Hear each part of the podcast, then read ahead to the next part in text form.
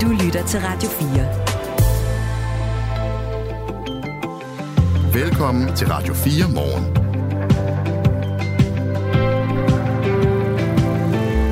To tidligere borgmestre i Randers Kommune øh, rev så nu kommunen for at have undersøgt sig selv i Nordic Waste-skandalen. I en pressemeddelelse, der efterlyser de begge to en lang grundigere undersøgelse af kommunens rolle. Vi taler med en af de tidligere borgmestre efter nyhederne halv syv. To partier opfordrer nu regeringen til at sætte støtten til FN, en FN-organisation i Gaza på pause. Det sker efter, at Israel er kommet med anklager om, at medarbejdere fra organisationen har været involveret i terrorangrebet på Israel den 7. oktober. Blandt partierne, der altså opfordrer til en øh, pause til den her støtte, det er Danmarksdemokraterne. Og her skal vi tale med deres udenrigsordfører Charlotte Munk om et kvarters tid. Rettighederne til den danske succesfilm Druk og som også var en Oscar-vinder og lavet af Thomas Winterberg, er nu kommet i hænderne på skuespiller Leonardo DiCaprio og, DiCaprio og komikeren Chris Rock. Vi taler med øh, filmanmelder Anne Lene Andersen, som har et bud på, hvordan en amerikansk drukversion vil se ud, og så fortæller hun også, hvordan det er gået tidligere for danske film, der er blevet genindspillet i andre lande. Vi taler med hende, og klokken er cirka kvart i syv. Vi trænger også til lidt godt nyt, og det får vi her til morgen, fordi det tegner lyst for verdensøkonomien. Det kommer altså til at gå bedre, end man først havde forventet, lyder det i en ny opgørelse. Det kan godt være, at vi ikke kommer til at mærke det så meget på egen krop som danskere, men vi ville i hvert fald mærke det, hvis det var gået den anden vej, siger Per Hansen, der er investeringsøkonom hos Nordnet, og som er med os øh, kvart i syv her til morgen til at øh, ja, udlægge tallene for os. Du ved det godt, men øh, vi siger det lige alligevel. Du lytter til Radio 4 Morgen, og her til morgen, der er din værter, Anne Philipsen og Michael Robach. Og hvis du har øh, input til det, du hører i programmet her til morgen, så send endelig en sms på nummeret 1424. Godmorgen. Godmorgen. Du lytter til Radio 4 Morgen. Indlagte patienter på Aalborg Universitetshospital kan fremover ikke bestille et vegansk måltid. Det blev slået fast på et regionsrådsmøde i øh, mandags, hvor der blev stemt nej til at omgøre en beslutning fra december om at droppe vegansk mad. Det er en beslutning, der sker som del af en større besparelse. Susanne Flytkær er medlem af det nordjyske regionsråd for Enhedslisten, og øh, også en, der forsøgte at få den her afgørelse omgjort i december. Godmorgen. Godmorgen. Hvorfor mener du, det er vigtigt, at patienterne kan få et vegansk måltid, når de er indlagt på hospitalet? At jeg synes jo, det er rigtig vigtigt, at de øh, mennesker og nordjyder og patienter, som, som ønsker at spise en ren plantebaseret kost, at de også skal have mulighed for at få det, øh, når de er indlagt, og ikke blive presset eller tvunget til at spise fødevarer med animalske fødevarer i, hvis de, hvis de ikke ønsker det. Og når det er vigtigt, så er det jo fordi, det er rigtig vigtigt, at man rent faktisk også spiser, når man er indlagt, fordi det er jo en del af, af behandlingen for at blive rask hurtigt, kan man sige. Måske skal vi lige øh, sådan specificere, at hvis man spiser vegansk, så spiser man udelukkende plantebaseret. Det vil sige, at man undgår øh, alle former for kød og fjerkræ og fisk og skalddyr. Øh, det gør vegetarerne jo også. Men man undgår også andre animalske produkter, hvis man er veganer. Sådan noget som mælk og æg og ost. Kan de patienter, der er indlagt og som ønsker at spise vegansk, ikke bare være opmærksomme på det og så spise udenom de her ting, som de ikke har lyst til at spise? Som jeg har forstået det, så er det meget, meget svært. Øh, jeg troede faktisk, det var meget let. For øh, hvis man tænker på, at vi snakker om grøntsager, kartofler, rodfrugter og bælfrugter, så er det jo fødevarer, som man jo i forvejen har på hospitalskøkkenerne, fordi det er det, øh, alle mennesker spiser. Så jeg har rigtig svært ved at forstå, at det faktisk ikke er muligt at kunne undgå animalske fødevarer, når man er indlagt. Fordi alle de andre fødevarer har man jo. Altså jeg skal gerne skal, skal sige med det samme. Vi har ikke stillet forslag om, at man skal have luksuriøse, veganske, avancerede a la carte menuer. Vi har sådan set bare stillet forslag om, at man skal have mulighed for at, at kunne få ren plantebaseret kost. Det vil sige altså at kunne undgå animalske fødevarer. Men hver gang man skal lave nogle særlige øh, ret, rettelser på måltiderne, hver gang man skal lave et måltid, der, der er noget andet end det, som de fleste får, så kræver det jo ressourcer. Er det så ikke fair nok, at man ser på, øh, hvis man skal spare nogle penge, hvor kan vi gøre det henne, og så siger, at det her det er faktisk et sted, hvor vi kan spare nogle penge? Nej, det mener jeg faktisk ikke, det er.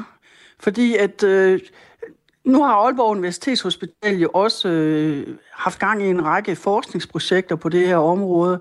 Man kan sådan set ind på Aalborg Universitetshospitals hjemmeside se en række opskrifter på, hvordan man kan spise plantebaseret på hospitalerne. Og tro mig, at det ikke er avancerede opskrifter, det er mad, som de fleste vel spiser en gang imellem.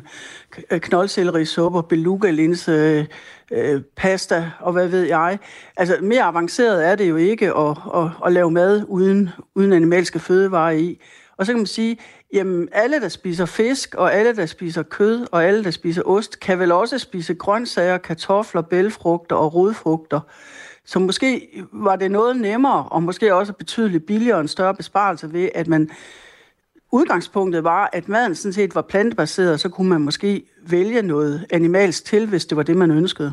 Men hvis man vil lave noget, som var øh, altså noget, som veganer kunne spise, som var ren øh, plantebaseret, så er man jo også ude i, at man ikke kan stege øh, grøntsagerne i smør, man kan ikke bruge øh, mælk til at jævne med. Altså de her ting, som jo kan være øh, ret smart at bruge, hvis man normalt laver en suppe for eksempel, eller skal stege noget. Så kan du se, at det så der vil være øh, besværligere for, for dem, og også dermed dyrere og mere ressourcekrævende, hvis man skulle ud og lave forskellige variationer? Nej, det kan jeg ikke se. Fordi man kan stege i olie, og man kan stege i plantemargarine. Jeg har også fået det meget mærkelige øh, argument, der hedder, hvad hvis nu man så bager brød med mælk i? Jamen, hvorfor, hvorfor gør man så det? Altså, man kan jo bage, de, de fleste brød bliver bagt uden mælk. Altså, de fleste brød bliver bagt af, af mel, vand, gær eller surdej og salt. Altså, der er jo rigtig mange af de her ting, som man øh, helt uden at øh, tænke over det, jo kan erstatte med noget, hvor det ikke er animalske fødevarer, der er i, uden at det hverken er dyrere, måske endda meget billigere, og have præcis den samme næringsværdi. Når jeg siger det, så er det fordi, der er jo ikke meget næringsværdi i, i smør. Altså, det kan godt være, at dengang jeg var barn, og nu er jeg ved at være en, en gammel kone, at der skulle man spise smør, sukker og æg for at være rask. De, de kostråd er vi jo ligesom gået fra. Men lad os lige tage det her med det ernæringsmæssige, fordi øh, Aalborg Universitetshospital skærer det veganske måltid fra for at spare penge, men faktisk også af hensyn til sundheden, lyder det. I øh, december der sagde Eddie Hvid, der er chef for måltider og ernæring på Aalborg Universitetshospital til DR, at det ikke er muligt at give patienterne den tilstrækkelige ernæring med vegetabilske proteiner alene. Er det ikke en meget god grund til at droppe vegansk mad, hvis der også er noget ernæringsmæssigt i det? Nu er jeg ikke enig i synspunktet, og når jeg ikke er det, så er det fordi, at Aalborg Universitetshospital, og det er jo muligt, at Eddie han ikke interesserer sig for den forskning, der foregår på hospitalet, men, men det gør vi så fra politisk side, fordi det er jo lige præcis det, man har forsket i øh, på det, der hedder Kulinarium, nemlig forskningscenter, der, der handler om, om den kost, man kan få på hospitalet hvor de jo lige præcis har udviklet en række helt almindelige opskrifter på, at man rent plantebaseret kan få præcis den næring, man har behov for, også selvom man er meget småt spisende. Og det er ikke kun, jeg skal bare og være helt anden... sikker her, øh, at det er ikke kun vegetarisk, man har forsket i her, det er simpelthen også det veganske. Ja, det er det veganske, det er rent plantebaseret, og, og det, har, det, har, det har der jo været artister der har, der har stået og udviklet de her opskrifter. Så de lever helt op til, til de krav, der behøves. Og så skal man jo tænke, for langt de fleste øh, indlagte, så er man jo ikke øh, indlagt ret mange dage længere på et, på et hospital. Øh, så det tænker jeg nok, man skulle, skulle kunne håndtere. Jeg taler altså lige nu med øh, Susanne Flytkær, der er medlem af det nordjyske regionsråd for Enhedslisten, og vi taler om, at øh, man fremover ikke kan få et vegansk måltid, hvis man er indlagt på Aalborg Universitetshospital, øh, fordi der simpelthen er øh, blevet stemt nej til at omgøre en beslutning om at droppe den veganske mad. Det sker som del af en større besparelse. Og det er du altså øh, ærgerlig over, Susanne Flytkær. Men det er jo også sådan, at når man bliver indlagt på et hospital, så bliver man jo indlagt, fordi man har brug for hjælp. Det er jo ikke et hotelophold. Er det så ikke meget fair, at man ikke altid lige kan få præcis den mad, man sådan lige gerne vil have, eller den mad, man er vant til at spise? Jo, jeg synes, det er helt fair, at man ikke kan få den mad, man lige gerne vil have, og det har man jo sådan set aldrig kunnet få. Øh, jeg tænker, der er jo ikke, der er der jo ikke forskel på nogle mennesker, og jeg tror da også, at, at langt de fleste, der har været indlagt, at de har oplevet, at, at der er blevet serveret mad for dem, som de måske ikke lige syntes, det var det, de havde lyst til den dag, og så har spist det alligevel. Af samme grund kan man jo sige, at hvad er problemet i, at man undlader at, at, at servere kød for folk, og undlader at servere forarbejdet mad, hvor, hvor der indgår animalske fødevarer i? Altså, man har jo de andre fødevarer. Altså, den dyre mad på hospitalerne, det er jo kødet, altså det er jo ikke grøntsagerne. Andre steder i verden, for eksempel i New York City, har man jo indført plantebaseret mad på, på alle hospitalerne som, som det grundlæggende. Og hvis det så skal være, så kan man godt vælge et, et animalsk fødevare til. Kød går jeg ud fra, det typisk har været, eller, eller, eller fisk. Så det, altså, den sundhedsmæssige og den prismæssige, den, den, ja, den holder ikke, når jeg tænker over det. Vi øh, får sms'er ind, mens vi laver det her interview øh, med dig, Susanne Flytkær, og der er en, der har spurgt os, øh, man kan sende sin sms til 1424 i øvrigt. Godmorgen, er hun selv veganer, så der er en personlig interesse i forslaget? Er du det? Nej, det er jeg ikke. Jeg spiser ikke kød hver dag, men jeg spiser stort set animalske fødevarer hver eneste dag. Okay. Så det er ikke øh, derfor, du øh, går i bræschen for Nej, det her det er ikke øh, forslag? Nej, men det er jo... regionsrådet, vil også vide, at jeg tager gerne for mig af kødretterne på, på, Sådan. på buffeten til frokost. så er det også slået fast. Øh, her til sidst, Susanne Flytkær, det er jo sådan, hvis vi skal se på tallene, så er det godt 3 procent af den danske befolkning, altså cirka 180.000 personer, der lever vegetarisk. Og ind i det gemmer der så også nogen, der ligger, lever vegansk, men det er, jo, det er jo faktisk bare den vegetariske del. Så med andre ord er der jo ikke øh, ret mange øh, ud af den sådan samlede befolkning, der lever på den her måde. Hvor langt skal man egentlig gå for at give plads til øh, patienternes individuelle øh, kostønsker i den her sammenhæng? Altså jeg vil gerne gentage, vi har ikke foreslået, at man skulle lave store, luksuriøse veganske menuer. Vi har sådan set kun foreslået, at, at man skulle have mulighed for at få en ren plantebaseret kost, når man er indlagt. Og, og det er faktisk noget andet. Det er, at man skal have mulighed for at undgå det kød, som bliver serveret for de andre. Og at der så ikke er, også er andre animalske fødevarer på ens tallerken. Det tror jeg faktisk ikke er noget stort arbejde. Altså jeg tror, det er jo ikke et større arbejde, end, end hvis folk siger, jamen jeg kan ikke lide fisk, Nå, så får du ikke fisk. Tak fordi du var med og det, her til morgen. Og så, og så langt synes jeg faktisk, man skal gå. Sådan. Undskyld, jeg lige fik afbrudt dig. Der er lidt uh, forsinkelse ja. på linjen. Men tak, ja. fordi du var med, Susanne Flytkær. Det var Jørgen. Hej. Altså medlem af Hej. det nordjyske regionsråd for Enhedslisten. På Aarhus Universitetshospital, der overvejer man at gøre det samme som i Aalborg, altså droppe muligheden for at give patienterne et vegansk måltid. Og øh, vi skal tale med Bente Slot, der er cheføkonom ved mad og ernæring ved hospitalet, om hvorfor øh, de vælger eller overvejer at gøre det. Det er efter nyhederne klokken 7. Lige nu der er den 17 minutter over 6. Ladies and gentlemen, welcome aboard this Northwest Orient Airlines Flight 305 with services from Portland to Seattle. En mystisk passager rækker en stewardesse en håndskreven seddel. Miss, you'd better look at that note. I have a bomb. Det handler om D.B. Cooper. Manden, der plyndrer et fly. Han vil have 200.000 dollars i kontanter. Hopper ud af det med faldskærm på og øh, forsvinder sporløst. Lyt med, når Krimiland genåbner sagen om den mystiske flykabrer DB Cooper i Radio 4's app, eller der, hvor du lytter til podcast. Det er den eneste uopklarede flykabring i FBI's historie. Radio 4. Ikke så forudsigeligt.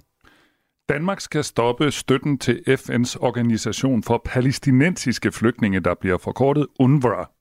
Det mener Liberal Alliance og Danmarksdemokraterne, der har taget initiativ til at indkalde udenrigsminister Lars Løkke Rasmussen til en hasteforspørgsel om, at Danmark skal stoppe alle danske midler, der bliver sendt til UNRWA.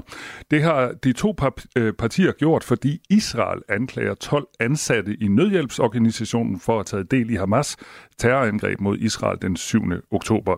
Indtil videre har 11 lande, blandt andet USA, Storbritannien og Frankrig, sat støtten til organisationen på pause, imens det bliver undersøgt, hvad der er op og ned i den her sag. Og det sker altså på et tidspunkt, hvor UNRWA er afgørende for at udlevere den nødhjælp, der trods alt stadig er til indbyggerne i Gaza. Charlotte Munk er udenrigsordfører for Danmarksdemokraterne. Godmorgen. Godmorgen. Hvorfor vil I i Danmarksdemokraterne sætte støtten til nødhjælpsorganisationen på pause? Jamen det vil vi af den simple årsag, at når det øh, tyder på, at der er trådet øh, til, øh, til øh, Hamas, altså en terrororganisation, så øh, er det det eneste rigtige at gøre.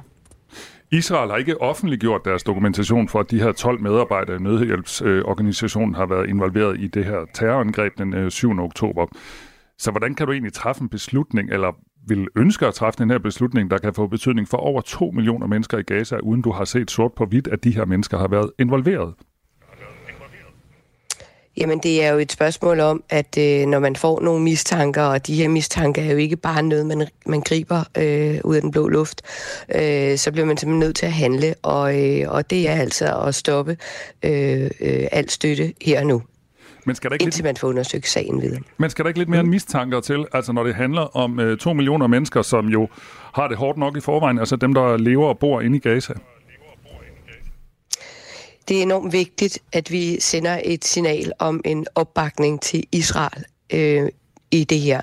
Og, øh, og vi bliver altså nødt til at skelne mellem, øh, i, mellem den her krig, øh, som er en terrorbaseret krig. Det er Hamas, en terrororganisation, der har angrebet øh, Israel den 7. oktober.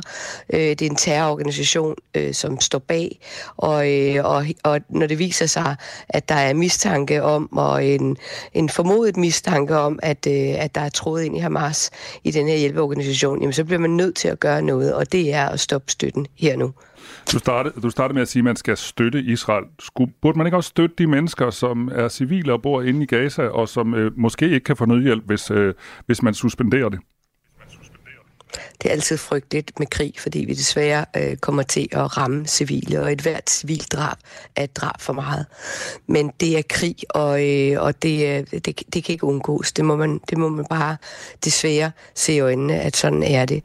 Øh, jeg, jeg siger, at øh, det her er en terrorbaseret krig, og hvis ikke vi har et fuldstændig klart øh, signal om, at det vil vi ikke støtte, jamen, alt andet vil være, øh, øh, vil være øh, urimeligt over for Israel. Udenrigsminister Lars Løkke Rasmussen skrev i går i et Facebook-opslag, at Danmark fortsætter sin støtte til FN's organisation for palæstinensiske flygtninge, mens FN undersøger, hvad der er foregået. Og her øh, på Facebook skriver Lars Løkke blandt andet, og jeg citerer, at UNRWA og organisationens 30.000 ansatte reelt er den eneste organisation, der aktuelt kan sikre et minimum af anstændige levevilkår for civilbefolkningen i Gaza.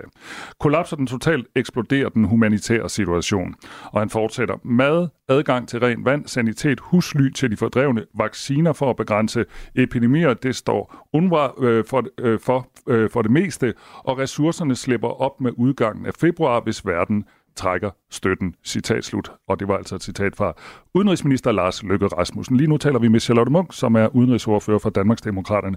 Lars Løkke skriver altså, at hvis Danmark sætter den her støtte på pause, så risikerer vi at være med til at fjerne den sidste nødhjælp til øh, indbyggerne i Gaza. Hvordan har du det med det?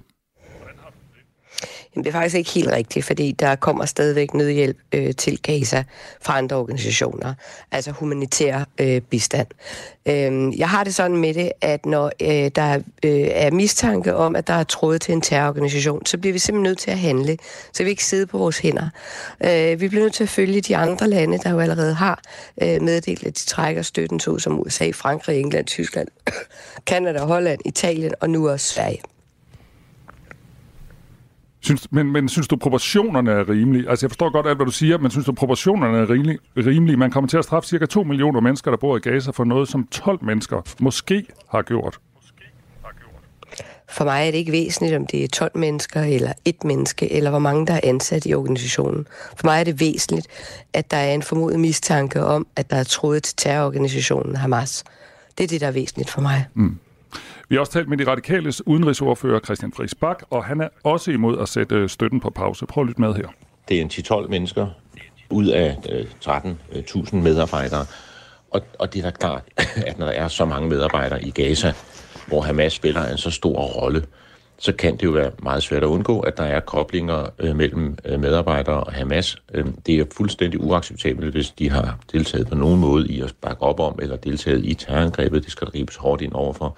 Men hvis vi stopper støtten til, til UNRWA, så saver vi hele udviklingshjælpen, øh, mm. og, eller nødhjælpen til de palæstinenserne i, øh, i, øh, i Gaza civilbefolkningen over. Sådan sagde altså de radikales udenrigsordfører Christian Friis Bak, og lige nu der taler vi med Charlotte Munk, som er udenrigsordfører for Danmarksdemokraterne. Hvad siger du til det argument, som øh, Christian Friis Bak øh, kommer med her? Jamen, det overrasker mig ikke, og, øh, øh, og det må være Christian Friis Baks øh, mening. Det er fair nok. Øh, jeg er lodret uenig, og det er jeg, som jeg har sagt tidligere, fordi at en terrororganisation skal ikke diktere os noget som helst. Og, øh, og det bliver vi simpelthen nødt til at, øh, at stå stærkt overfor. Og det kan vi altså kun, hvis vi trækker støtten her nu. Indtil videre så har 11 lande sat deres støtte til nødhjælpsorganisationen UNRWA på pause, og det gælder blandt andet USA og Storbritannien. FN's generalsekretær øh, Antonio Guterres har bedt landene, der har sat støtten på pause, om at genoptage den, imens FN undersøger sagen. Og FN har allerede fyret ni medarbejdere efter Israels anklager om, at de har været involveret i terrorangrebet på Israel den 7. Øh, oktober, imens to af medarbejderne er døde. FN er i gang med at undersøge, hvad der er sket, og Charlotte Munk, hvorfor venter I ikke på at høre, hvad de siger, før I opfordrer til at sætte støtten på pause? Fordi vi mener, det er den forkerte vej rundt. Når man får en formodet mistanke, som der er her, så bliver man nødt til at, øh, at stoppe støtten prompte.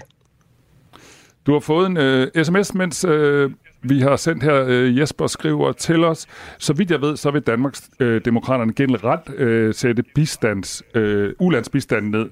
Så det her er lidt letkøbt øh, skriver altså Jesper til os på 1424. Er det her også for Danmarksdemokraterne inde i sådan en, en større, et større opgør med ud, øh, ulandsbistand? Altså, vi har aldrig lagt skjul på, at vi synes, ulandsbistanden er øh, for stor, øh, og vi ønsker at nedsætte den, men, men det er altså ikke det, det handler om her. For det er jo ikke sådan, at vi ønsker, at ulandsbistand skal fjernes. Vi ønsker blot, at man sætter den ned. Det har ikke noget med det at gøre. For os handler det om, at vi handler ikke med terrororganisationer.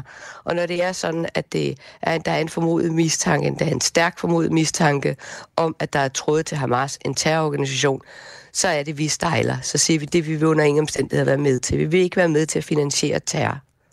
Tak fordi du vil svare på Jespers spørgsmål. Selv tak. Og også tak, fordi du vil svare på min. Charlotte Munk er altså udenrigsordfører for Danmarksdemokraterne. Og hvis du vil høre mere om den her sag, så kan du lytte til vores udenrigsprogram, det hedder Verden kalder, og det bliver sendt i dag 13.05. Her taler vært Stine Kromand, blandt andet øh, mere med Christian Friis Bak, som vi hørte her om støtten til FN's organisation for palæstinensiske flygtninge. Det her er Radio 4 morgen. Når skoleelever bruger deres elevcomputer, så bliver deres oplysninger delt med Google, som bruger oplysningerne til nogle forskellige formål. Og nogle af de formål, de er i strid med loven. På skoler i 53 kommuner landet over, der bruger eleverne altså deres PC i strid med loven. Og det skal de nu rette op på, kræver datatilsynet i en afgørelse, der er faldt i går. Allan Frank er IT-sikkerhedsspecialist og jurist i datatilsynet, og han forklarer det sådan her det vi har fundet ud af ved, at kommunerne nu har fået beskrevet, hvad det er, der sker inde i de her IT-systemer, altså hvordan data flyder rundt inde i selve kassen, om man så må sige, jamen så har vi fundet ud af, at der bliver overladt nogle bestemte oplysninger til leverandøren af de her ydelser, i det her tilfælde Google, og, og der har vi så undersøgt, har kommunerne lov til det, og det viser sig altså, at for en del af dem, der, er det ikke, der følger det ikke af, af den lovgivning, vi nu kigger ind i, at det rent faktisk kan lade sig gøre. Det er altså 53 kommuners skoler, der har gjort brug af de her Chromebooks og også det, der hedder Google Workspace, hvor datatilsynet nu kommer med et påbud om, at behandlingerne af personoplysninger skal ske i overensstemmelse med reglerne ved at sikre, at der er hjemmel til alle de behandlinger, der sker.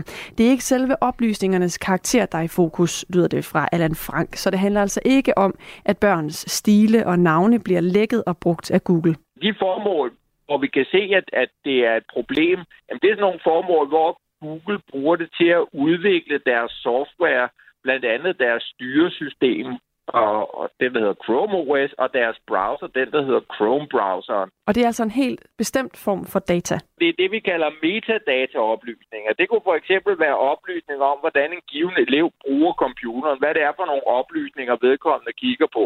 Og så kunne det være oplysninger om, hvad det er for en hvad for nogle knapper, man trykker på en bestemt sekvens, hvor øh, computeren gør et eller andet.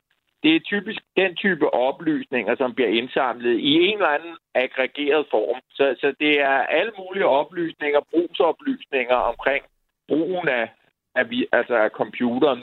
Det sagde altså IT-sikkerhedsspecialist og jurist i datatilsynet Allan Frank. Og øh, bare lige øh, opklarende, så er en Chromebook jo faktisk en slags computer, men det kører på styresystemet Chrome OS, som er udviklet af Google. Og øh, man kan heller ikke installere sådan almindelige programmer på en Chromebook, men man kan hente apps og bruge internettet. Og øh, det er derfor også, man ser dem meget i skolerne. Det er nemlig øh, med til også at gøre, at Chromebooks typisk er lidt billigere end almindelige computere, øh, fordi de skal kunne nogle andre ting. Men altså hermed et påbud til 53 kommuner, der skal efterleves fra 1. august i år, men senest 1. marts, der skal kommunerne tilkendegive, hvordan de har planer om at efterleve det her påbud. Vi kan lige nå øh, tre overskrifter for den næste halve time, når vi er tilbage efter nyhederne. Vi skal tale om øh, Nordic Waste, vi skal tale om økonomi, og så skal vi tale om filmen Druk, der nu skal laves på amerikansk. Lige nu er klokken halv syv. Nu er der nyheder på Radio 4. Erstatningen til minkavlerne stiger med over 6 milliarder og ender formentlig på næsten 30 milliarder kroner, det siger Fødevareminister Jakob Jensen. I november 2020 nedlagde den daværende S-regering det danske minkerhverv. Dermed blev minkavlerne berettiget til erstatning fra staten, og den bliver højere end først ventet. Erstatningsudgifterne stiger med 6,3 milliarder kroner, siger Fødevareministeren. Det handler om, at øh, de første afgørelser fra øh, taxationskommissionen nu er landet. Øh, der er 51 øh, reelle afgørelser, og der kan Fødevarestyrelsen så se, at øh, de afgørelser, de øh, erstatningsniveauer, der ligger i de afgørelser, de ligger simpelthen højere end det, der var tidligere vurderet. Øh, men nu er det reelle afgørelser, man har at, øh, at vurdere ud fra. Det er selvfølgelig stadigvæk et skønt, Samlet set vil udgifterne udgøre ca. 29,5 milliarder kroner. Fødevareministeren forsikrer, at pengene ikke skal findes fra andre områder, som for eksempel ældre- eller sundhedsområdet, da der er tale om ekstraordinære udgifter. Men det er skatteborgerne, der skal betale for nedlukningen af minkerhvervet, og Jakob Jensen kan godt forstå, hvis folk synes, at det er rigtig mange penge. Men jeg håber også på, at folk så også synes, at det er rimeligt, at hvis man får fjernet sit livsgrundlag, at man bliver eksproprieret af myndighederne, af staten i det her tilfælde, at man så selvfølgelig også helt grundlovssikret skal have en erstatning, der svarer til det tab, man har lidt. Ekstra, Ekstrabladet skriver i sin leder, at den har placeret et læs med gylde foran hovedejeren af Nordic Waste, Torben Østergaard Nielsens hus i Middelfart. Avisen har ved siden af gylden stillet et skilt med teksten Fjern dit lort, så fjerner vi vores. Det fremgår af et billede og avisens leder, som er skrevet af chefredaktør Knud Brix. En vagtchef ved Fyns politi oplyser, at man modtog en anmeldelse om, at noget affald var blevet efterladt ved en adresse i Middelfart Kommune. Politiet bekræfter ikke, at der er tale om samme adresse. Vagtchefen oplyser videre, at affaldet er blevet fjernet. Fyns politi har oprettet en sag, der nu skal efterforskes, siger vagtchefen. Danmarksdemokraterne og Liberal Alliance vil indkalde udenrigsminister Lars Løkke Rasmussen til en hasteforspørgsel om, at Danmark skal stoppe støtten til FN-organet UNRWA. Det oplyser Danmarksdemokraterne. Det er vigtigt for os, at vi en gang for alle siger, at hvis der er tråde til Hamas, som alt jo tyder på, så bliver vi nødt til at stoppe al form for støtte, siger Danmarksdemokraternes udenrigsordfører Charlotte Munk. FN-organet hjælper palæstinensiske flygtninge i Mellemøsten. Flere lande har suspenderet deres støtte på grund af beskyldninger om, at 12 ansatte i organet var indblandet i Hamas angreb på Israel sidste år. Tidligere i går afviste udenrigsminister Lars Løkke Rasmussen at trække støtten lige nu. Hvis hovedkanalen for den humanitære bistand skæres bort, så eksploderer det hele. Derfor er der for nuværende ikke rigtig noget alternativ til UNRWA, men det er klart, der skal ryddes op, sagde han. FN-organet har på baggrund af beskyldningerne fyret flere ansatte. Samtidig er det blevet lovet, at påstandene bliver efterforsket grundigt. Den irakiske gruppe Kataib Hezbollah, der har forbindelse til Iran, oplyser, at den suspenderer alle militære operationer mod amerikanske styrker i Mellemøsten. Gruppen skriver på Telegram, at den suspenderer angreb for ikke at bringe den irakiske regering i forlegenhed, det skriver Reuters. Tre amerikanske soldater blev dræbt i et droneangreb nær grænsen mellem Jordan og Syrien søndag. Det amerikanske forsvarsministerium siger, at angrebet havde Khatib Hezbollahs fingeraftryk. Lidt sol, senere bliver det skyet 3-6 grader og lidt til frisk vind. Det her er Radio 4 morgen. Husk, at du kan sende os en sms på 1424. Verdensøkonomien kommer til at gå øh, bedre, end man sådan først havde forventet. I øh, 2023 der var økonomien jo hårdt ramt af en meget høj rente, inflation og krigen i Ukraine, som sådan også var med til at starte noget af det. Men det gode er, at det ser ud til, at 2024 bliver et bedre år, end man havde troet, når det kommer til verdensøkonomien. Det er den internationale valutafond, der har lavet sådan en halvårlig opgørelse, som vi altså sådan klynger os lidt fast i her til morgen, fordi det er gode nyheder. Måske i hvert fald. Vi skal tale med Per Hansen, der er investeringsøkonom hos Nordnet om lige præcis det her, og ikke mindst om, altså kan man til at mærke det? Fordi det er jo altid sådan med sådan nogle ø- økonomiske prognoser, at øhm, det kan være svært at vide, om det egentlig er noget, der er sådan er til at føle på, eller om det mere er noget oppe i det høje luftlag. Det skal vi snakke med ham om om et 10 minutters tid. Vi skal også snakke om film, fordi den danske Oscar-vinder Druk af Thomas Winterberg, den skal genindspilles i USA. Det er komikeren Chris Rock og skuespilleren Leonardo DiCaprio, som står bag den amerikanske version af den danske film Druk. Druk? Gud. Druk. Druk. Skal den ikke hedde. Det skal den nok ikke hedde. Og det er spændende, hvad den skal hedde i det hele taget. Nå, men om cirka 20 minutter, der taler vi med Anne Lind Andersen. Hun er klog på film, og vi spørger, hvad vi kan forvente og om der er sådan en stor succesrate, når danske film bliver lavet til amerikanske film. Det er altså cirka om en kvarter 20 minutter. Vi starter med Nordic Waste. Det her er Radio 4 morgen. Nu kommer der kritik af Randers Kommune fra to tidligere borgmestre i kommunen. Øh, kritikken kom, øh, kommer fra den tidligere venstreborgmester Michael Åstrup Jensen og fra Henning Jensen Nyhus, der er socialdemokrater og også forhånd, øh, forhåndværende borgmester i Randers. De to revser kommunen for at have undersøgt sin egen rolle i Nordic Way-skandalen, og i en pressemeddelelse, der efterlyser de begge en langt grundigere undersøgelse af kommunens rolle. De skriver, en kommune kan ikke bare frikende sig selv på den her måde, bare fordi en kommunalt betalt advokat siger det.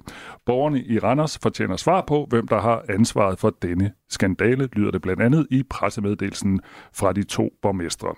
Henning Jensen Nyhus, godmorgen.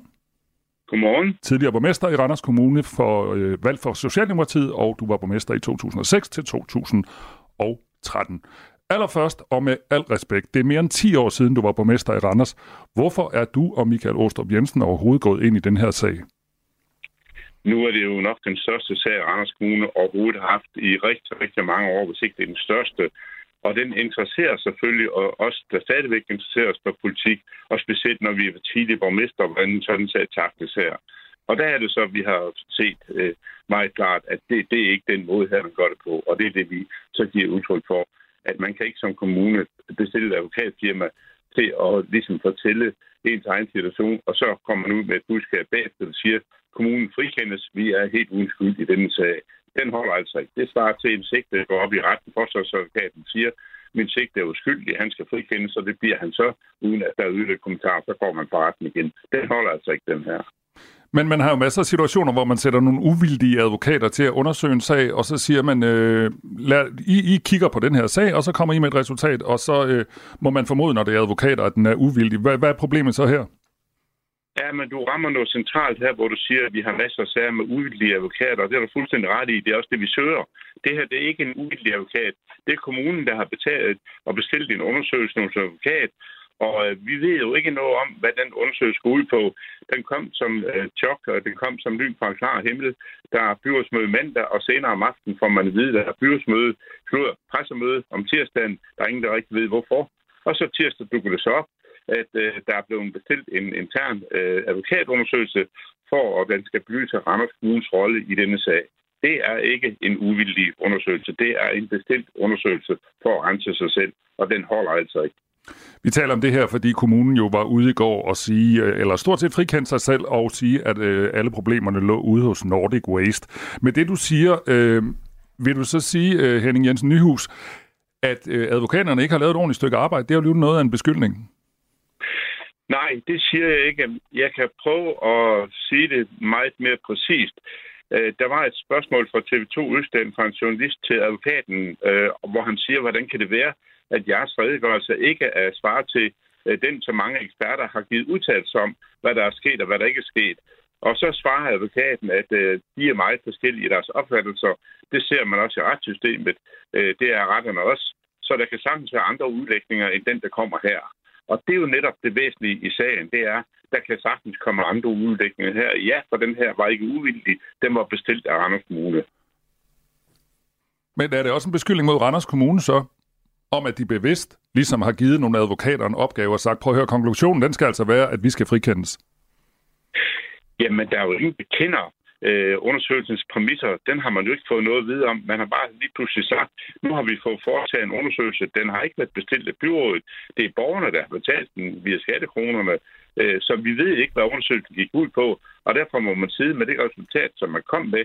Så var det en undersøgelse, der skulle frikende Anders Kommune. Det lå ganske klart, og det var egentlig det, som øh, jeg overvejede selv pressemøde. Og jeg blev noget frustreret over at høre på, øh, hvordan man sådan skyndede det, og man der var også en, der spurgte om de her tilsyn, så øh, man kunne give en karakterer på det, og hvor til advokaten svarer, ja, det kunne man nok gøre, det var måske et stort syvtal. Altså, man havde vel ikke forventet, at en advokat, der er bestilt af kommunen, ville dumpe tilsynet og så sige, nej, det er helt uantageligt, det tilsyn, de har lavet. For det er jo ikke det, advokaten har fået sin penge for. Det var for at redegøre for, hvad man har gjort, og om man selv mente, at man havde nogen skyld i det her. Og det er simpelthen ikke godt nok. Der skal man have en fuldstændig uvildig undersøgelse. Det var jo sådan en, man efterlyste på børsmødet mandag aften. Mm. Og der ville borgmesteren jo ikke være med til det. Og en uvildig undersøgelse blev nedstemt i byrådet, og man kom med en forklaring om, at det kunne man godt senere, når man havde bedre overblik over sagen. Det var en utrolig dårlig forklaring efter min mening, og den holder jo heller ikke vand. Altså en uvildig undersøgelse skal selvfølgelig foretages så hurtigt som overhovedet muligt. Og når nu kammeradvokaten foretager en undersøgelse af Nordic Waste, så var det jo passende, at vi fik lavet en uvildig undersøgelse af det hele, som man kan ligesom sige, vi skal have det hele frem, alt hvad der er sket. Øh, og det er netop med henblik på, er der andre i Nordic Waste, der har ansvar? Jeg siger ikke, at, at man kan blive økonomisk ansvarlig for nogle ting, for det har vi jo hørt mange gange på tv og i radioen. Det er øh, forureneren, der betaler. Jamen, så er det lagt fast. Så er det alt andet, vi skal undersøge. Det er, kunne vi have forhindret denne voldsomme katastrofe, så ville vi jo have gjort det. Og det skal vi så have belyst, hvor seriøst har Randers Kommune taget det her. Og der er der mange ting, som er kommet frem i pressen, som viser, at det her, det til synligheden ikke er taget seriøst nok og derfor kunne det gå så galt, som det gik. Mm. Tidligere bestyrelsesformand i Nordic Waste, Søren Hansen, siger i en skriftlig udtalelse til TV2, at virksomheden selv mener, at de har overholdt alle miljøgodkendelser i virksomhedens drift. Han siger, at vi mener, at det er kritisabelt, at Randers Kommunes tilsynsrapporter først nu offentliggøres, og at de ikke er lavet samtidig med, at det enkelte tilsyn fandt sted, siger altså Søren Hansen, som er tidligere bestyrelsesformand i Nordic Waste. Kommunaldirektør Jesper K. Schmidt, han indrømmede i går, at kommunen har svigtet på nogle punkter i tilsynet med Nordic Waste Han sagde, ja, vi kunne på nogle punkter have gjort det bedre i vores forvaltning af Miljøtilsynet med Nordic Waste, men det ændrer ikke på, at jordskredet skyldes virksomhedens drift. Lige nu der taler vi med Henning Jensen Nyhus, der er tidligere borgmester i Randers Kommune, øh, valgt for Socialdemokratiet. Øh, Henning øh, Jensen Nyhus, øh, kommunaldirektøren siger altså, at der er punkter, hvor de i forvaltningen kunne have gjort det bedre. Han sagde også i går, at man vil sætte en undersøgelse i gang af miljøforvaltningen. Så der er jo flere indrømmelser. Er det ikke godt nok til dig? Nej, absolut ikke. Øh, I går på pressemødet vidste øh, kommunaldirektøren udmærket godt, at man i flere år ikke har lavet tilsynsrapporter. Det har man jo, det var jo Bernske Tine, der konstaterede det via henvendt til Miljøministeriet, hvor man, når man har været på et tilsyn, så skal man lave en skriftlig rapport, og den skal indberettes senest fire måneder efter tilsynet er lavet. Og da man så har fundet ud af i Miljøtilsynet, at, øh, at der er ikke indberettet noget som helst gennem de seneste år fra Kommune, så bliver Bernske Tine jo klar over, at man overhovedet lavet nogle tilsyn? Hvis man har det, har man så overhovedet skrevet nogle rapporter. Og det er her et af de store problemer kommer. De her oplysninger er Anders Kuhn ikke selv kommet med. Og så kan man stille sig spørgende over for, hvorvidt de være kommet frem, hvis ikke en journalist fra Berlingske Tidene har fundet ud af det her. Og det er det, vi tænker. Øh, ligger der mere bagved, som ikke kommer frem, som ligefrem skal pines frem, for at man får det at vide det er ikke ordentligt det her. Så nu må man ikke frem med det samme, så sige, vi har svigtet, vi har ikke skrevet nogen tilsynsrapporter igennem de seneste år. Det er selvfølgelig dybt beklageligt. Øh, det har vi pligt til, øh, og vi har også pligt til at den fire måneder efter. Det er heller ikke sket. Så man kan sige, at alene det her nu, der er kommet frem, det viser, at man måske ikke har taget det helt så seriøst, som man skulle med de tilsyn, og det har man heller ikke med de henvendelser, der kommer fra borgerne ude i Ølst, og det har man heller ikke med de henvendelser, der kommer fra byrådskollegaerne her undervejs. Og det er derfor, det er så vigtigt, lad os nu få den uvildige undersøgelse der, så ikke vi skal se gæt på, hvad er der mere sket, og hvad er der ikke sket. Lad os nu få det klarlagt meget nøje fra begge sider af. Jeg taler med øh, Henning Jensen Nyhus, som er tidligere borgmester i Randers Kommune, og som sammen med den tidligere borgmester Michael Åstrup Jensen, som er valgt for Venstre, øh, nu er ude at kritisere øh, Randers Kommunes håndtering af den her sag. Henning Jensen Nyhus, jeg kan godt lige tænke mig at gribe fat i den nuværende borgmester, som jo altså er din partifælde. Når nu du kommer med så skarp en kritik, vil det så sige, at du ikke stoler på den nuværende borgmesters evne til at forvalte, øh, øh, jeg evne til at være borgmester i Randers Kommune? Ej, det er jo ikke det, jeg siger. Øh, hvis, uanset hvilken borgmester der har været, om det var fra A, B eller C, så var vi, jeg øh, og formentlig også Michael komme med den samme kritik her. Det er jo den ting, der er udført eller ikke udført af Randers Kommune i så vigtig en sag, den her. Det er jo den, vi skal have belyst. Og når så den er blevet belyst, så kan vi jo tage stilling til bagefter, om der er nogen, der har lavet deres arbejde godt nok. Men vi er nødt til at skal have den der uvildige undersøgelse, før vi kan tage stilling til sådan noget, og før jeg kan svare på det, det som du reelt spørger om, om der.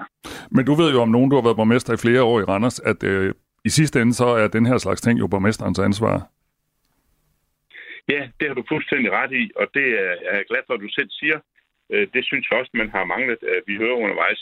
Der er ingen tvivl om, at enhver ting, der foregår i en kommune, der er det øh, borgmesterens øh, ansvar. Han er både den ansvarlige for den politiske del og for den administrative del. Så har man selvfølgelig kommunaldirektøren, der er borgmesterens højre hånd, men ansvar, det er borgmesteren. Så enkelt er det. Der er kommunalvalg til næste år. Har du tænkt dig at stemme på øh, den nuværende borgmester, Torben Hansen?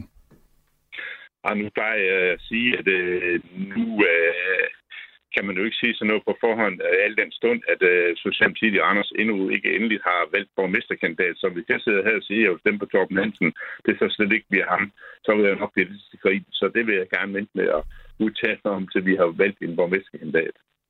Du skal have tak, fordi du er med her i Radio 4 morgen. Velkommen. Og det var altså Henning Jensen Nyhus, Nyhus, der er tidligere borgmester i Randers Kommune, valgt for Socialdemokratiet. Og Radio 4 var selvfølgelig også til stede til øh, kommunens pressemøde øh, i går, og vi skal høre mere fra det her pressemøde i næste time, altså mellem 7 og 8. Lige nu der er klokken 6.46. Du lytter til Radio 4. Det ser lyst ud for verdensøkonomien. I 2023, der var økonomien jo hårdt ramt af rekordhøj rente, af inflation og krigen i Ukraine.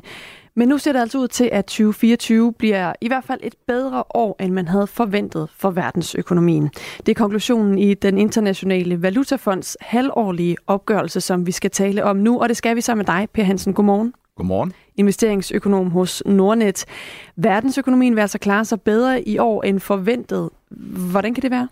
Jamen det er fordi, der er nogle steder i verden, hvor væksten øh, den er lidt bedre end det, som man havde forventet. Og det er først og fremmest og ikke mindst den amerikanske økonomi, som udvikler sig noget øh, bedre end frygtet og lidt bedre end forventet. Og øh, hvem er det så, der ligesom øh, kan glæde sig særligt over det?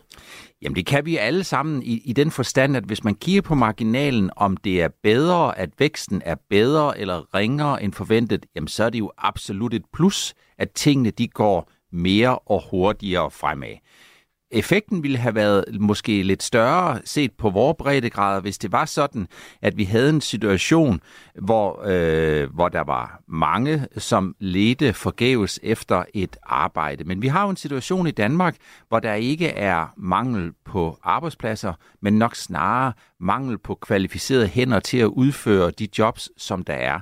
Og derfor så kan man sige, at det får ikke den helt store effekt på beskæftigelsen, for beskæftigelsen den er tårnhøj, den er rekordhøj, og, øh, og, og, og derfor så kan man sige, at de indirekte effekter af, at det går lidt bedre i økonomien, jamen de er øh, måske snarere derhen, at den afkøling, som man kunne have forventet, der ville komme i USA, som også ville få en effekt på den globale økonomi, og som også ville øh, kunne mærkes andre steder i verden, jamen den trækker nok den tid en lille smule ud, hvor prisstigningstakten, inflationen, kommer hurtigere ned. Den trækker formentlig også udsigterne til rentefald lidt ud i tiden. Så på den ene side, så kan man sige, at det er godt, at det går bedre end ringere, men på den anden side set, så kan man sige, at øh, nogle af de ting, som øh, mange sidder og kigger på, boligejere og andre sidder og kigger på, det er, hvornår kan vi trække vejret en lille smule lettere og ikke betale helt så høje renter for vores boliglån. Og det kan godt være, at konsekvensen er bedre vækst, den er, at der skal man altså have lidt mere tålmodighed. Det er jo altid sådan med den her slags øhm, spot om er måske et dårligt ord, men i hvert fald prognoser, øh, at, at det jo ikke er selvfølgelig er 100% sikkert, men altså det er jo den øh, internationale valutafonds halvårlige opgørelse, der vurderer, øh, eller hvor man vil vurdere, at der vil komme en vækst på 3,1% på globalt plan i 2024. Hvor sikkert er det egentlig? Altså, ja, hvad baserer de det på? Jamen det baserer de jo på, at de sidder og kigger på alle lande i verden, og så ser de og kigger på, hvordan det økonomiske hjul det spiller sammen.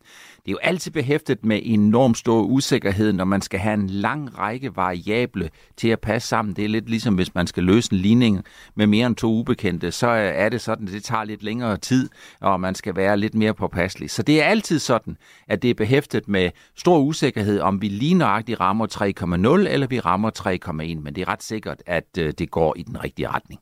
Og nu har du været lidt inde på det her, men, men hvordan vil vi sådan helt konkret øh, som danskere kunne mærke, at verdensøkonomien vil klare sig bedre, end vi havde regnet med? Jamen, det er simpelthen sådan, at øh, verdensøkonomien og den mål, man måler det på, det er jo i bruttonationalprodukt, det er værdien af varer og tjenester, øh, som der bliver produceret, og på den måde så kan man sige, at når det går bedre ude i den store verden, jamen så går det også en lille smule bedre i Danmark. Man kan sige, når det regner på præsten, så drøber det på dejen, øh, og det gør det blandt andet og ikke mindst også i Danmark, fordi vi er en meget åben økonomi, det vil sige, vi handler meget med omverdenen, og den danske økonomi, det har, den har det altid øh, en lille smule bedre, når det går godt i verden, og har det en lille smule ringere, når øh, det samfund og den, øh, øh, det internationale samfund, når de øh, har det lidt ringere. Så på den måde, så kan man sige, så er det jo alt andet lige og på marginalen en god nyhed.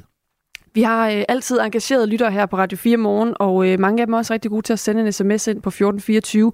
Vestjyden har sendt en sms, jeg mener faktisk, den er gået igen nogle morgener, og nu har vi endelig en, der måske kan hjælpe os med at svare på det. Er du klar på lige at få den, Per Hansen? Absolut, jeg gør mit bedste. Dejligt. Han, øh, er, eller han hun er bekymret for øh, det kinesiske, den kinesiske ejendomsgigant Evergrande, som jo blev sendt i tvangsopløsning øh, for et øh, par dage siden, og skriver, øh, kan tvangsopløsning af Evergrande det give en ny finanskrise, og så på den måde ødelægge de positive forudsigelser. Er der sådan nogle rystelser, øh, som kan risikere at få betydning for, at det ikke går så godt, som vi håber? Nej. Jeg kan godt forstå, at der er mange, der er nervøse. Jeg tror, at en af årsagen til, at der er mange, der er nervøse, det er, at vi har hørt meget om det. Men det er sådan, at Evergrande er, har lidt været en evergreen med hensyn til, at øh, det er noget, som øh, folk hører meget om.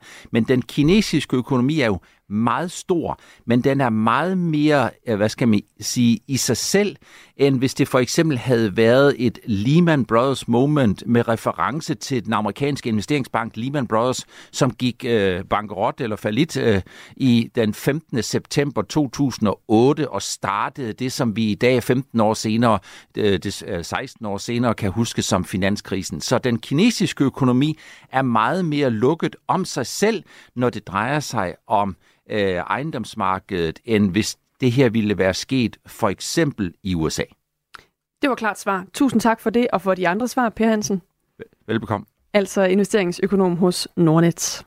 Og nu vi er ved penge, så kan vi sige, at øh, den store nyhed her til morgen, det er, at erstatningen til minkavlere stiger med over 6 milliarder kroner. Det er selvfølgelig en øh, historie, vi indhenter kommentar på. Vi har den første kommentar fra Per Larsen fra De Konservative klokken cirka 20 minutter over 8. Du kan også følge den historie i vores nyheder.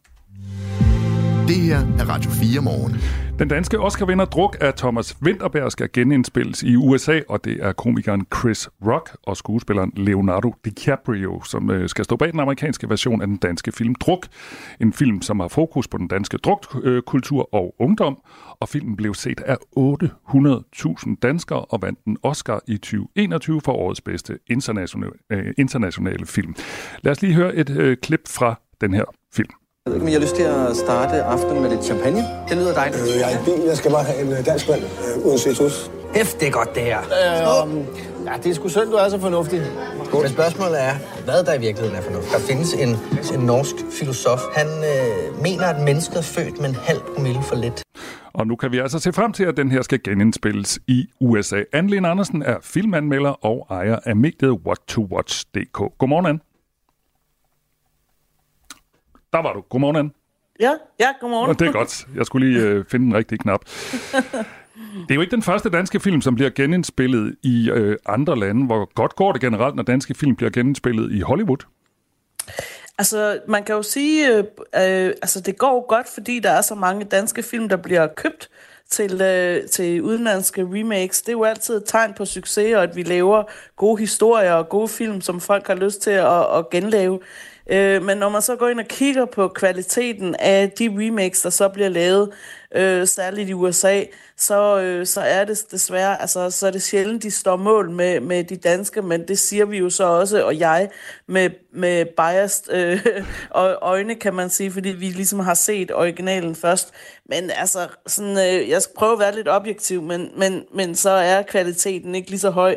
Man rammer ikke øh, ofte noget omkring tonen og atmosfæren, og der er noget, og humoren for eksempel, der går lidt tabt i, i oversættelsen.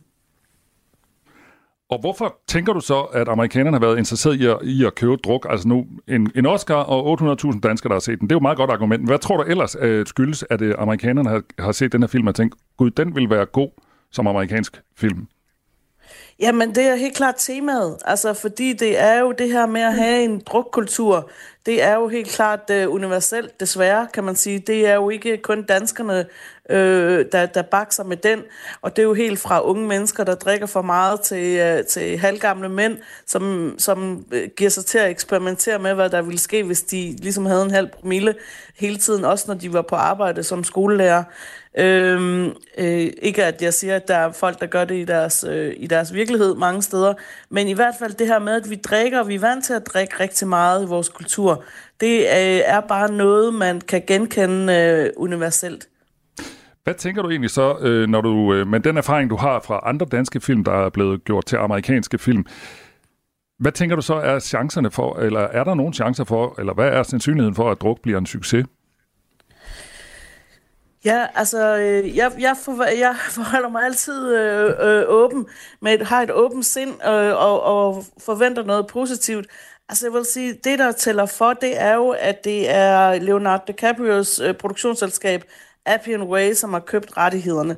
Og øh, hvis man kender noget til Leonardo DiCaprios karriere, så ved man, at det er en mand, der sætter meget stor pris på kvalitet, også øh, på de film, som hans øh, selskab har produceret. De har, øh, de har produceret blandt andet mange af hans film, han har lavet sammen med Scorsese, øh, Wolf of Wall Street, bare for at nævne et eksempel. Mm. Øh, så, så, og så, øh, så han er en mand, der, har meget, der er meget ops på kvalitet, så han går ikke bare med til hvad som helst. Og det synes jeg borger forhåbentlig for, at man, man har nogle kriterier for, at den her film skal lykkes.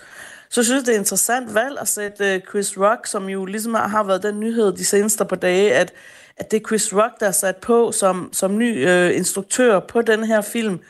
Øhm, og så har spørgsmålet været jo, om Leo skal, skal spille hovedrollen selv, eller skal, altså skal være med i castet.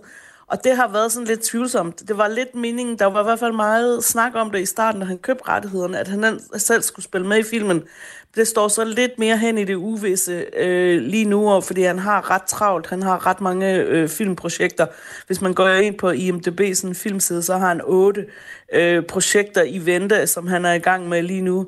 Øh, men i hvert fald, at Chris Rock altså, har jo kommer til at være sådan en mand, som som selvfølgelig kan komikken. Det tror jeg ikke, nogen er i tvivl om. Han er en stor øh, amerikansk øh, komiker, så han kan klart øh, det komiske aspekt i, i historien i druk. Men spørgsmålet er jo, om han kan også indfange den alvor, der ligger i historien også.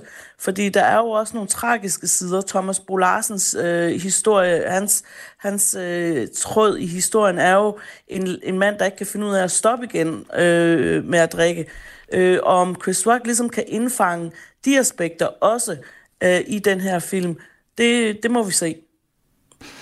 Hvis vi lige her til sidst, vi nærmer os nyhederne en lille smule, øh, klokken nærmer sig syv. Hvad, øh, hvad får den, det danske hold bag sådan en film egentlig ud af sådan en amerikansk genindspilning? øh, penge, for at sige det godt. okay. Altså penge og prestige. Øh, men det er selvfølgelig en lang proces. Det er også noget med film, øh, filmkøb. At først så køber man en option på en, på, på en film eller på rettigheden på at må filmatisere den. Så det betaler man en vis sum for. Hvis den så bliver til noget, man finder finansiering til film, så får man endnu mere, og hvis den så bliver til noget, kommer ud, ind, ud i biograferne, så får man øh, øh, endnu mere. Og så er der selvfølgelig prestigen i, at øh, man har en film, som er blevet opkøbt af Leonardo DiCaprios øh, produktionsselskab, og skal laves øh, igen til et stort amerikansk publikum. Lige til aller, aller sidst, Anne, tror du, der egentlig er en sandsynlighed for, at Mads Mikkelsen, øh, som jo var med i den danske film, egentlig også skal være med i den amerikanske? Det ville være ret sjovt, ikke? Jo. Altså, øh, jeg tvivler lidt, og det er mest fordi, at øh, jeg tror ikke, Mads Mikkelsen, han har jo ikke sådan en historik med at gentage sig selv. Øh, øh, så, så jeg tvivler på, at han ville gentage en rolle i en film, han har lavet en gang. Men man skal jo aldrig sige aldrig. Det kan godt være, at han bliver fristet, hvis øh, Leonardo DiCaprio han står der og siger, kom nu Mads, lad os lave en film sammen. Den, den er svær at sige nej til. Jeg krydser fingre. Tak skal du have, Anne Andersen, øh, filmanmelder og ejer af mediet What, What to Watch. Ha' en dejlig onsdag. Ja, lige måde. Vi har også fået en sms, der er en, der spørger, hvilke andre danske film er genindspillet i USA? Et eksempel på det er jo øh, den film, der hedder Den Skyldige, som Det er er, øh, en film, der egentlig foregår ved en person, der tager et opkald i alarmcentralen, og så foregår den faktisk udelukket der. Det lyder sådan her på amerikansk. 911, this is emergency operator 625. I've just been robbed. Okay, sir, I need to know where you are. Last name? Is this the fire department? No, ma'am, you've reached 911. Det var Jack Gyllenhaal. det var Jakob. Sedergren var den danske. Nu klokken syv. Du har lyttet til en podcast fra Radio 4. Find flere episoder i vores app, eller der, hvor du lytter til podcast. Radio 4. Ikke så forudsigeligt.